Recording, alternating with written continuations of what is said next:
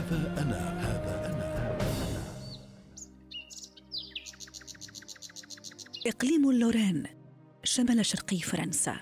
إننا في عام 1596 شهر مارس يلفظ يومه الأخير ومعه يرى الطفل روني ديكارت النور. إنه أصغر أشقائه الثلاث الذين تعود جذور عائلتهم إلى هولندا. روني بالكاد أتم عامه الأول لكن القدر شاء أن يصبح يتيم الأم وهو الآن ينتقل مع إخوته للعيش مع جدتهم لأمهم. روني الذي ينتمي إلى أسرة من صغار النبلاء يلتحق الآن بمدرسة داخلية إنه يدرس الفلسفة واللغات القديمة والمنطق والرياضيات قبل أن يتخرج في جامعة القانون وهو في عمر الثانية والعشرين. إننا في عام 1618 هو الآن يستعد للسفر إلى هولندا حيث تعرف على الفيلسوف إسحاق بيكمان معلمه الذي شجعه على دراسة الفيزياء والرياضيات والميتافيزيقا والربط بينهم. وهي الطريقة التي كان لها أبلغ الأثر في تطور فكر وفلسفة ديكارت. عام 1619 ديكارت يغادر إلى ألمانيا.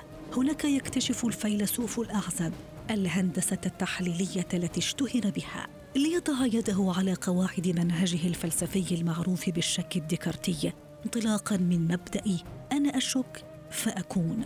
ويقوم المبدأ بالأساس على عدم القبول إلا بالحقائق التي نتيقن من صحتها.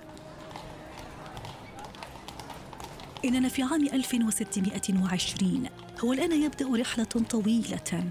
امتدت لتسع سنوات.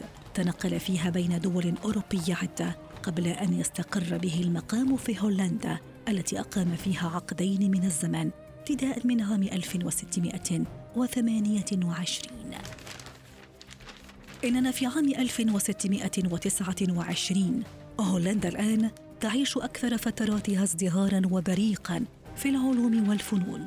ديكارت يبدأ في كتابة رسالته التي حملت اسم العالم.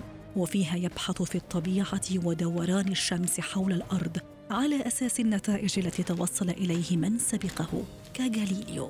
ديكارت يواصل الآن بحوثه وكتاباته عام 1637 إنه يعكف الآن على كتابة ثلاثة رسائل تدور كلها حول مواضيع الرياضيات والطبيعة وانكسار الشمس. مرت أربع سنوات. ديكارت ينشر كتاب تأملات في الفلسفة الأولى. هو كتاب باللغة اللاتينية أهداه للأميرة إليزابيث وهي الأميرة التي راسلها كثيرا. وأخذ يناقشها في أمور الأخلاق والسياسة والفلسفة. إننا في عام 1648 روني ديكارت يتعرف على ملكة السويد كريستينا. التي ناقشته طويلا في فلسفته عبر سلسلة من الرسائل. لقد أصرت على دعوته للسويد واقترحت عليه أن يصبح مستشارا لها. أواخر عام 1649 ديكارت في ستوكهولم الملكة كريستينا دائمة التردد عليه. لقد حددت الساعة الخامسة صباحا من كل يوم لمناقشته في فلسفته.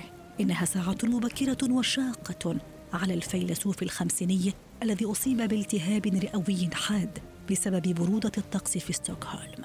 الأطباء ينصحونه بالعلاج لكنه آثر أن يتعالج بنفسه لكن المرض هزمه وأتى عليه وهو في عامه الحادي والخمسين. هذا أنا